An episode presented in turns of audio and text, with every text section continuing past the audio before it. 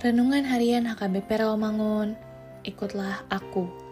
Kamis 21 Juli 2022. Dengan judul Membela yang Benar. Bacaan pagi kita pada hari ini diambil dari 2 Korintus 3 ayat 16 sampai 18. Bacaan malam kita pada hari ini diambil dari 2 Samuel 5 ayat 1 sampai 12.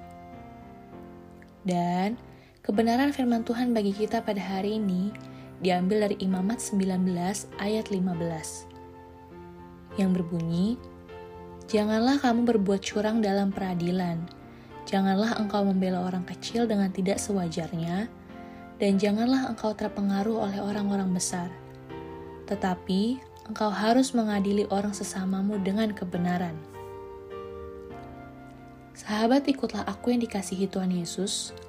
Pengadilan Israel pada zaman awal tidaklah sesuatu yang formal dan kaku, tapi tetap resmi di hadapan para hakim.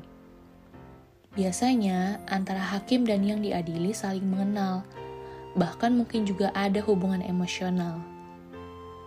Dalam kondisi seperti inilah Allah menegaskan kepada mereka supaya benar-benar menghakimi dan mengadili setiap orang dalam perkaranya tidak membela orang karena hubungan emosional, atau karena dia orang kecil sehingga layak dibela padahal salah. Allah menyatakan bahwa yang salah tetap harus dihukum, dan yang benarlah untuk dibela. Inilah yang penting bagi Tuhan Allah, yakni kebenaran, bukan karena rasa kasihan atau karena mengenal wajah sehingga kebenaran tidak diungkapkan. Mungkin kita berpikir bahwa menyatakan pembelaan di masa kini lebih gampang karena hakim dan terdakwa tidak saling mengenal. Kenyataannya tidak juga. Banyak perkara yang dibelokkan dan orang yang punya uang dan jabatan mendapat pembelaan walaupun mereka salah. Masih juga memandang kebenaran dari sudut kebenaran. Kebenaran perlu dinyatakan setiap waktu dan di setiap tempat tidak hanya di pengadilan. Dalam hidup sehari-hari pun, kebenaran dan keadilan harus dinyatakan. Dalam kehidupan sehari-hari, orang percaya dituntut untuk menyatakan yang benar dan adil. Apakah kita akan berani menyatakan kebenaran dan keadilan setiap waktu tanpa memandang wajah atau jabatan seseorang?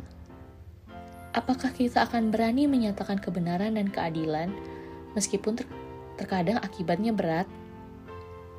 Atau apakah kita akan tetap menyatakan kebenaran dan keadilan bila yang salah adalah orang yang kita kasihi?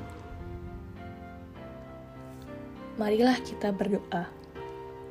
Ya Tuhan Allah yang Maha Adil dan benar, tuntunlah aku dengan Roh Kudus supaya aku menyatakan kebenaran dan ditegur bila aku salah. Amin.